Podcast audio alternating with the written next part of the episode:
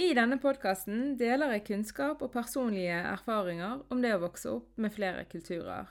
Jeg deler også erfaringer og kunnskap jeg har fått gjennom ni år med integreringsarbeid. Mitt mål er å øke kulturell kompetanse i samfunnet ved å diskutere hvordan vi kan møte og samspille med mennesker med annen kulturell bakgrunn enn det vi sjøl har. Er du nysgjerrig, åpen og vil lære, er dette podkasten for deg.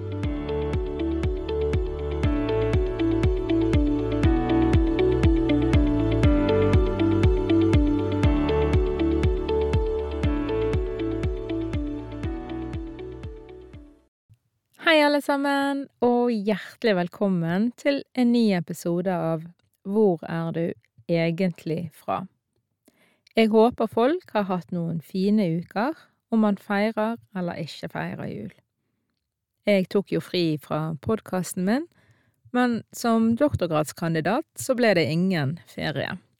Men jeg har allikevel kost meg veldig mye med mitt arbeid, og det holdt jo motivasjonen oppe.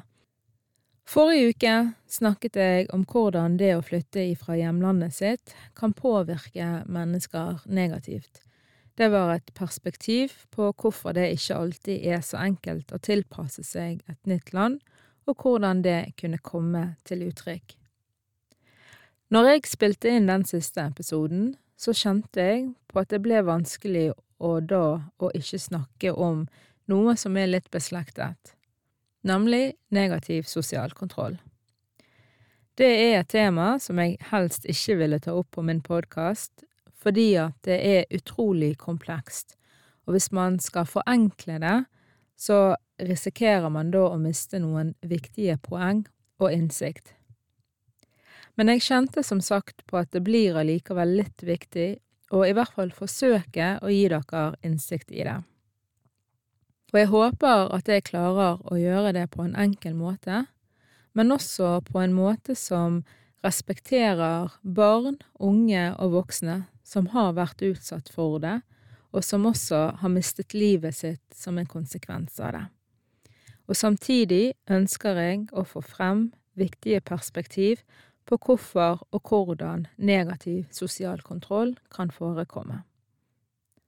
I beskrivelsen for denne podkasten har jeg lagt inn noen viktige og nyttige lenker, enten til forskningen som jeg henviser til, eller til offentlige instanser som arbeider med dette. Som krysskulturell vil man ofte havne i situasjoner der man opplever krysspress, altså at familien eller et miljø forventer en type oppførsel, mens venner og storsamfunnet forventer en annen. Det i seg sjøl er ikke negativt, og man kan på denne måten lære å håndtere motsetninger, som jeg har snakket om i tidligere episoder. I enkelte miljøer er det likevel sånn at konsekvensene av å velge feil når man er i krysspress, alvorlige. Norske rapporter og undersøkelser viser at noen ungdommer med krysskulturell bakgrunn velger én av to strategier når de er i et stort krysspress og ikke kan ta det valget de ønsker. De lever et dobbeltliv som innebærer å oppfylle alle ulike forventninger, og på den måten så unngår de at konflikter oppstår, eller så gjør de andre sine forventninger og verdier til sine egne, og på den måten så unngår man å oppleve at man er i et krysspress fordi en lever i tråd med sine egne prinsipper og verdier. Undersøkelser viser også at det er en sammenheng mellom hvor strenge regler som settes for barn og unge, og hvordan foreldrene har tilpasset seg livet i Norge. I episoden som heter Å miste nesten alt på vei til Norge, snakker jeg om fire vanlige måter å tilpasse seg et nytt land på. Disse strategiene handler om å kombinere det man kommer ifra med det en kommer til, kutte alle bånd til det en kom ifra, avvise det nye samfunnet etter eget ønske, eller å ønske å være del av det nye samfunnet, men stå likevel utenfor det. Jo mer opptatt foreldre er av å bevare religiøs og kulturell identitet, jo større sannsynlighet kan det være for at de har strenge regler i sin barneoppdragelse. Og da begynner vi å komme inn på det som omhandler negativ sosial kontroll. Jeg har satt meg godt inn i litteratur og studier som omhandler dette. Jeg har også jobbet en god del med det, og jeg har gjennomført et opplæringsprogram som endringsagent i arbeidet mot negativ sosial kontroll og æresrelatert vold. Dette programmet er nasjonalt og er i regi av Regionalt ressurssenter om vold, traumatisk stress og selvmordsforebygging. For meg var det veldig viktig å gjennomføre dette opplæringsprogrammet for å sette min kunnskap og erfaringer i system, og for å lære mer om det ut ifra sentrale fagfelt. Det har nemlig vært tydelig for meg at en trenger kunnskap fra flere ulike fagområder, sånn som migrasjon, psykologi og sosiologi, skal en kunne jobbe målrettet, men samtidig på en klok og ivaretagende måte. Sosial kontroll, det er viktig i ethvert samfunn. Det er jo det som gjør at vi oppfører oss høflig og respektfullt og overholder lover og regler. En del av sosial kontroll, det er også at foreldre må sette grenser for sine barn. Jeg nevnte innledningsvis at flere barn lever under strenge regler, men er det det som er negativ sosial kontroll? Hvor går skillelinjene mellom sosial kontroll og negativ sosial kontroll? Når stopper foreldres rett til å veilede sine barn, ta beslutninger på deres vegne og rett til å ivareta familiens røtter, kultur og religion? Den norske regjeringen definerer negativ sosial kontroll som press, oppsyn, trusler eller tvang som systematisk begrenser noen i sin livsutfoldelse, eller gjentatte ganger hindrer dem i å treffe selvstendige valg om eget liv og fremtid. Negativ sosial kontroll kan ha alvorlige konsekvenser på fysisk og psykisk helse, og det kan bidra til utenforskap og samfunnsproblemer. Negativ sosial kontroll brukes som en metode for å sikre at mennesket følger fellesskapets normer og forventninger, samtidig som det kontrollerer en person sin individuelle frihet strengt. En sånn type kontroll tar nemlig fra mennesket retten til å ta egne, selvstendige valg om eget liv og fremtid. Negativ sosial kontroll er knyttet til religion, valg av venner, ektefelle og utdanning, men det er også knyttet til seksualitet, identitet, påkledning og til og med å be om helsehjelp. Det brukes òg som en straffemetode når mennesker oppfører seg på en måte som oppfattes som moralsk galt. Nyere norske undersøkelser viser òg at barn som lever med strenge regler hjemme, de deltar også i mindre grad på fritidsaktiviteter, de har lavere selvtillit og opplever psykisk uhelse i større grad enn sine jevnaldrende. Den tidlige norske kunnskapen om negativ sosial kontroll fortalte oss at det var særlig jenter med migrasjonserfaring som var utsatt for dette. Nå begynner vi å få et bedre kunnskapsgrunnlag om hvordan det foregår, og hvem som utsettes for det. Nå vet vi for eksempel at det er ikke bare jenter med migrasjonsbakgrunn som utsettes for det, men også gutter og voksne, menn og kvinner med migrasjonsbakgrunn. Og misforstå meg rett nå, men også norske medlemmer av lukkede tros- og livssynssamfunn utsettes òg for negativ sosial kontroll. Men denne episoden vil fokusere på fenomenet i et migrasjonsperspektiv, men mye av det vil kunne overføres til det som forekommer i norske trossamfunn, men ikke alt. Nyere undersøkelser forteller oss at krysskulturelle barn som er født i Norge, de er mindre utsatt for strenge leveregler enn barn som har kommet til Norge sammen med sine foreldre. Kunnskapsgrunnlaget forteller oss òg at graden av strenge grenser den avtar jo lengre foreldre har bodd i Norge. I tillegg så vet vi at negativ sosial kontroll skjer på tvers av landegrenser.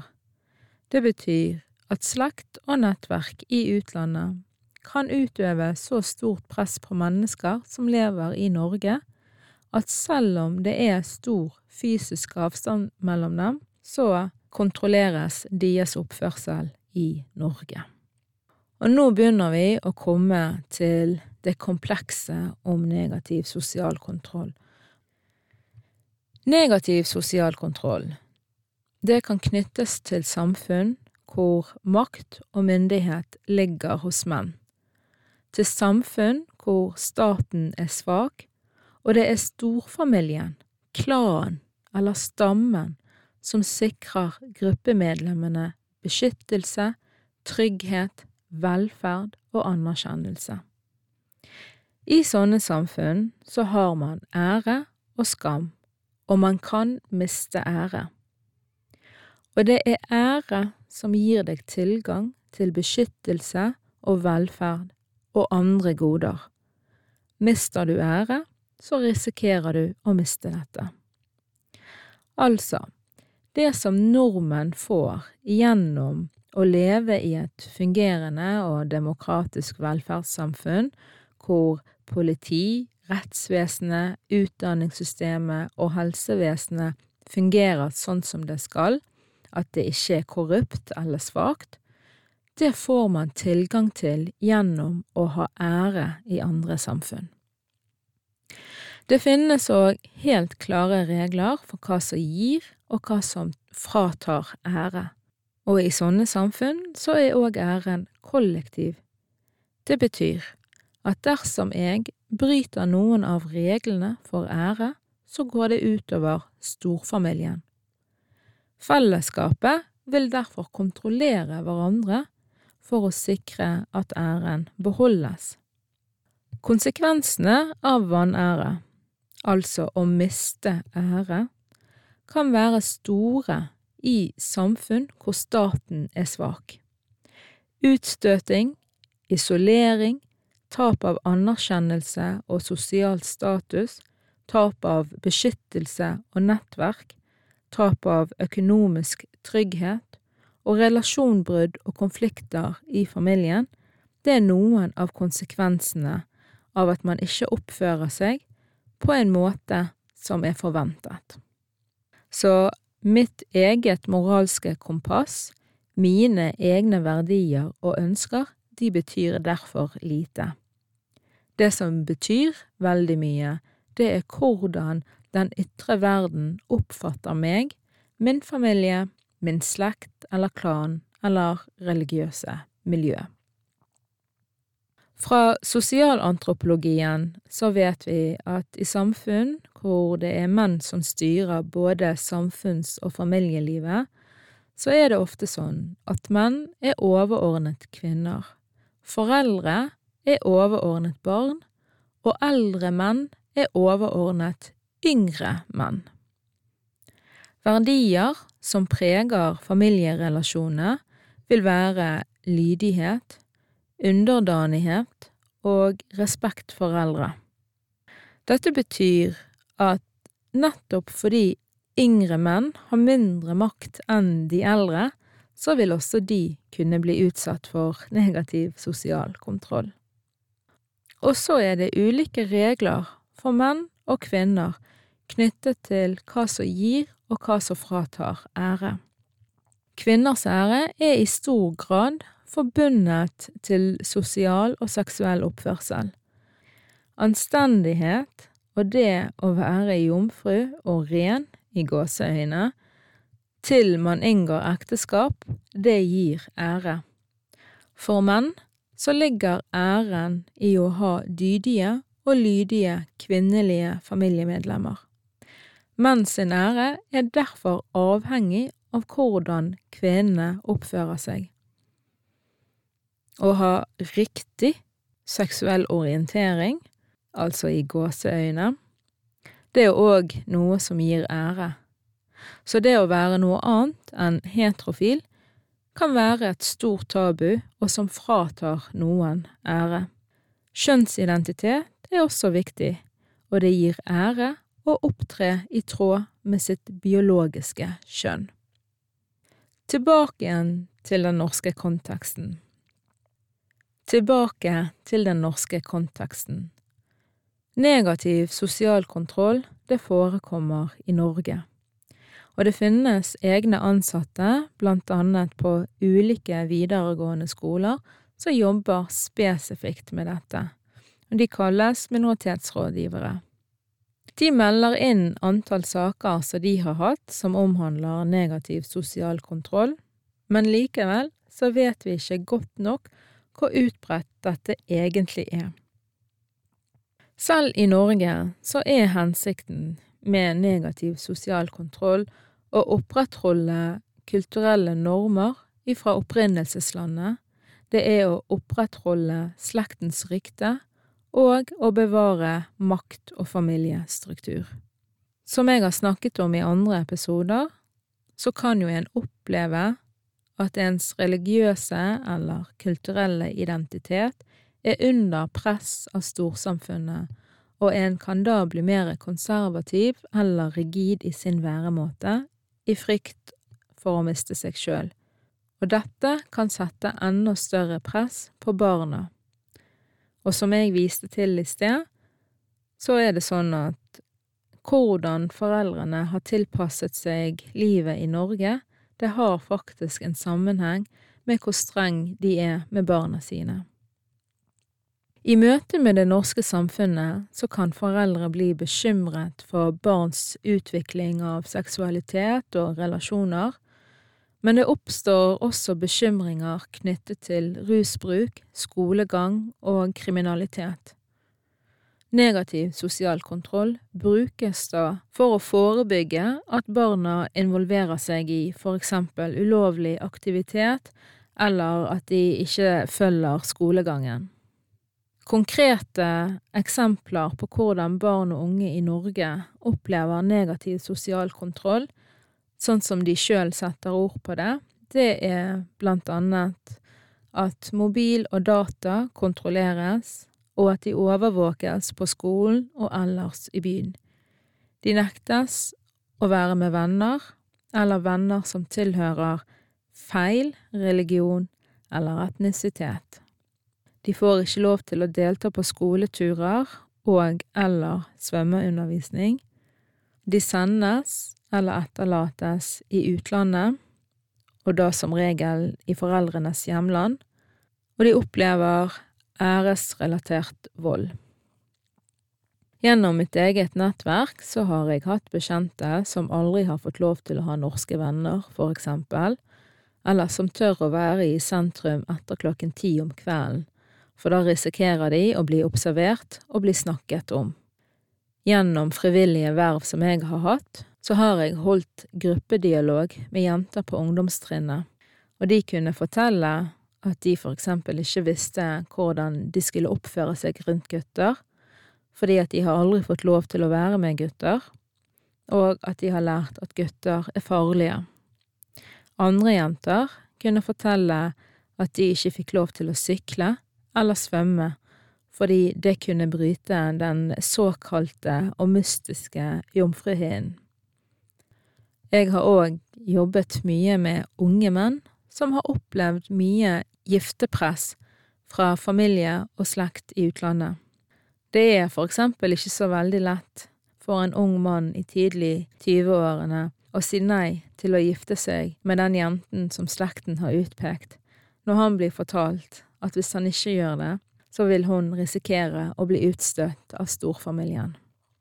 Barn og unge som opplever negativ sosial kontroll, de blir jo ikke like godt inkludert i storsamfunnet, og de kan miste muligheten til å opparbeide seg god innsikt i og om det norske samfunnet. Når negativ sosial kontroll utøves, så er vi langt forbi foreldrenes rett til å veilede sine barn og foreldrenes rett til å overføre kulturelle og religiøse praksis.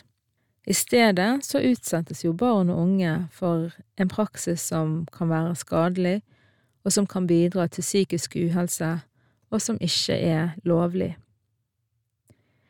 Jeg er allikevel usikker på hvorvidt miljøer og foreldre som utøver negativ sosial kontroll, er bevisste på at deres oppdragelsespraksis og måten de regulerer hverandre på, er per definisjon negativ sosial kontroll, og at det har uheldige konsekvenser for barnas utvikling. La oss ta et banalt eksempel. Ville foreldre fremdeles nektet sine barn å delta på fritidsaktiviteter hvis de var bevisst på fordelene og kvalitetene som barn kan tilegne seg når de deltar på organisert fritid. For eksempel så får jo man et positivt nettverk, man lærer å forholde seg til forpliktelser og fellesansvar, man lærer å samarbeide med andre og å forholde seg til autoriteter. Alt dette videreutvikler jo noen kvaliteter som samfunnet verdsetter og anerkjenner. Og det er òg kvaliteter som gjør at vi blir bedre og mer likt av andre, og det at vi blir godt likt av andre, kan jo òg ha sine fordeler. Jeg nevnte at noen ungdommer forteller at de opplever æresrelatert vold. Jeg vil kort bare forklare hva det er. Men det handler altså om å utsettes for fysisk og eller psykisk vold, ekstrem kontroll og tvangsekteskap. Drap er den mest ekstreme varianten for æresrelatert vold, og selv om det ikke forekommer i like høy grad i nordiske land som det gjør i andre deler av verden, så er det likevel noe som forekommer.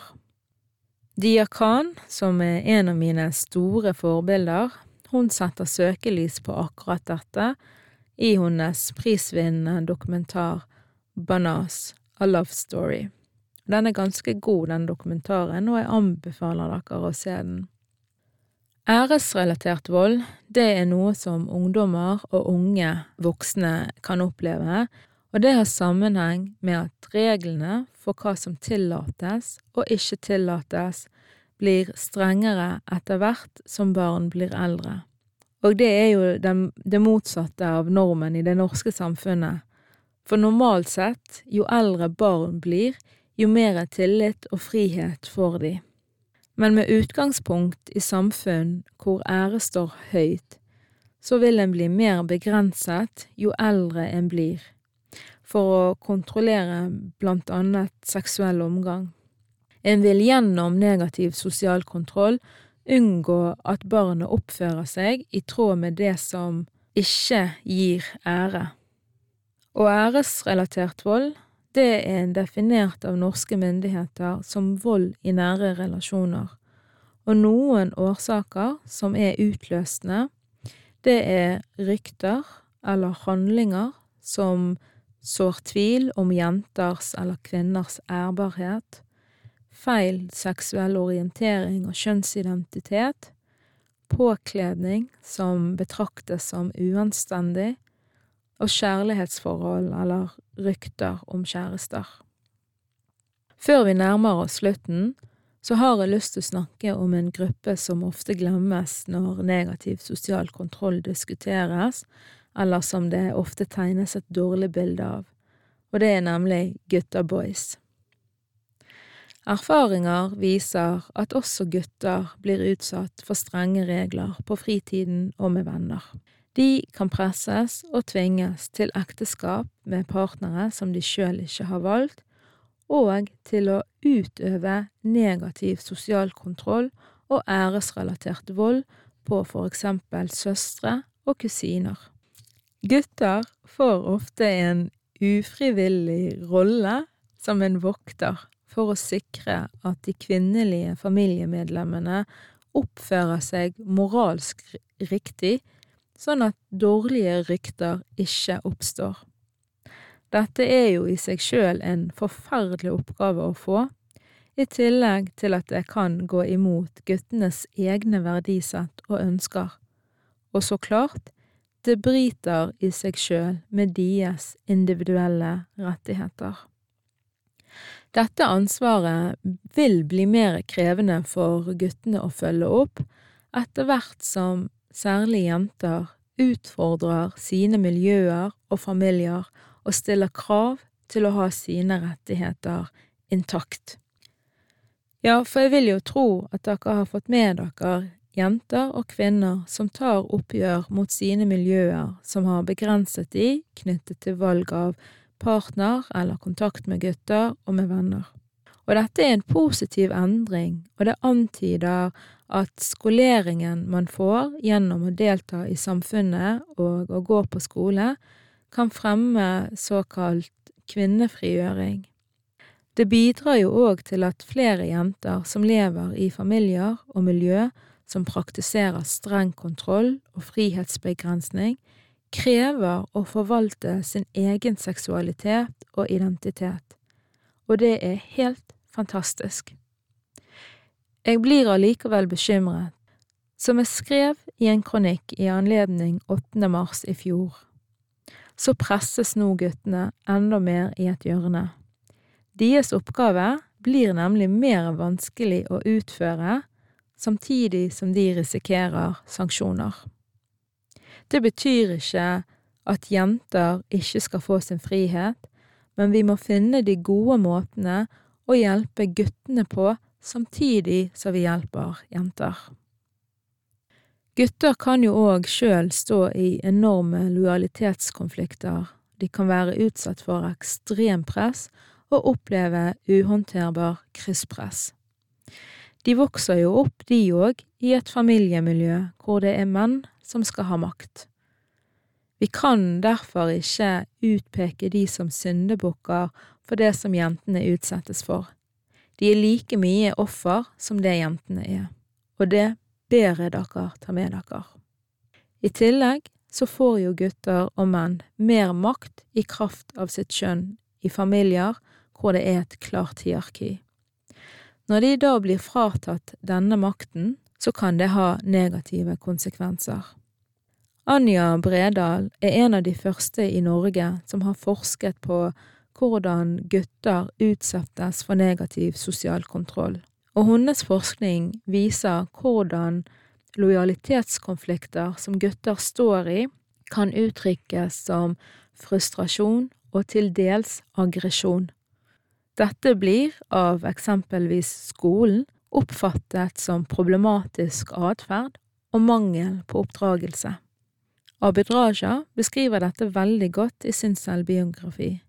I tillegg så viser Bredals forskning nettopp det som kjennetegner samfunn som er styrt av menn. At gutter får makt i kraft av sitt kjønn, men de er underordnet menn i kraft av sin alder. Gutter og menn blir på denne måten avhengig av å ha kontroll på jenter og kvinner for å beholde sin makt. Å ha kontroll blir sånn sett et symbol på det å være maskulin.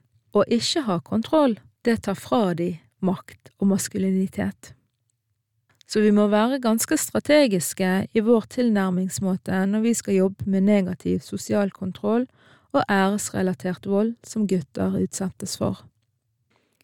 Når man er ny i Norge, så kan en ha lite kunnskap om hvordan det norske samfunnet fungerer, hva lover og regler som gjelder, og måter å oppdra barn på. En kan i tillegg ha andre tradisjoner, kulturelle og religiøse verdier og skikker som preger både barneoppdragelse, men også forventninger man har til livet i Norge. En kan òg ha en annen forståelse for hva som er rett og galt, bra og dårlig. Noen rapporter viser at foreldre med migrasjonsbakgrunn ofte fremstilles som ondsinnede skurker. Foreldrene på sin side opplever og uttrykker usikkerhet i møte med Norge. De uttrykker at de savner et fellesskap i form av slekt, og de opplever å stå alene med oppdragerrollen, og vi må ta det foreldrene sier på alvor, det de gir uttrykk for, og at de sier at de trenger hjelp og støtte. Nå begynner dere kanskje å forstå at negativ sosial kontroll, det handler ikke så mye om kultur og kulturforskjeller men det handler om psykologiske og sosiologiske forhold, som å oppleve tap av status og ære, makt og avmakt, utenforskap og avmaskulering, altså at menn mister sin maskulinitet slik det er definert av fellesskapet. For å jobbe målrettet og forebyggende med negativ sosial kontroll er det derfor ikke kulturkompetanse som er verktøyet, men kunnskap om hvordan mennesker påvirkes av ulike indre og ytre forhold. Ulike studier viser for eksempel at flere av de foreldrene som utøver negativ sosial kontroll i Norge, de sliter med migrasjonskonteksten på den måten at den økonomiske situasjonen er vanskelig, de opplever at foreldreautoriteten er svekket, de mangler et fellesskap og et støtteapparat, og at kvinners rolle og posisjon er styrket på bekostning av menns posisjon. Når vi da skal jobbe med negativ sosial kontroll, så er disse forholdene ganske vesentlig å ha med seg i arbeidet. Men så er det sånn at noen ganger, uansett hva vi gjør for å forebygge, komme i dialog med miljøer og foreldre, og hva vi gjør for å hjelpe, veilede og støtte, så er det noen som utsettes for så ekstrem kontroll, eller som risikerer så store konsekvenser at en må gripe inn med drastiske tiltak. Noen må bryte kontakt med familie og miljø, flytte til andre deler av landet eller til og med utlandet sånn som Diakan måtte gjøre i sin tid. Noen må bo på hemmelig adresse resten av livet. Noen familier kan finne tilbake til hverandre, andre kan ikke det. Noen risikerer å bli drept som en måte å gjenopprette tapt ære på. Men i noen miljøer så er tredje generasjons kristkulturelle på vei, men allikevel så foregår det fremdeles negativ sosial kontroll i disse miljøene. I noen tilfeller så ønsker ikke foreldre strenge regler for sine barn eller krever at de innfrir andre sine forventninger, men som likevel gjør det fordi de sjøl er presset og risikerer konsekvenser. Filmen Hva vil folk si av Iram Haq illustrerer dette veldig godt. Og sånne prosesser må vi stille spørsmål til, og vi skal ta det på ramme alvor at barn, unge og voksne ikke får leve et liv i frihet. Negativ sosial kontroll provoserer, frustrerer og opprører. Vi må allikevel forsøke å forstå hva som ligger bak, skal vi klare å jobbe målrettet med dette samfunnsproblemet.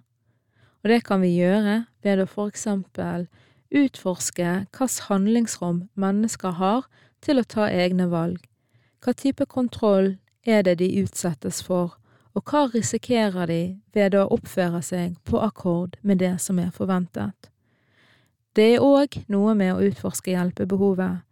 Er det en situasjon som krever umiddelbar aksjon fordi ungdommen for eksempel risikerer å bli sendt ut av landet, eller har en tid til å finne gode tilnærmingsmåter. Vi må anvende kunnskap fra flere felt, men i tillegg ha en god holdning og høy etikk. Vi må møte familiene med respekt, og ikke la oss styre av vårt eget moralske kompass og la våre følelser av sinne, frustrasjon og provokasjon ta overhånd.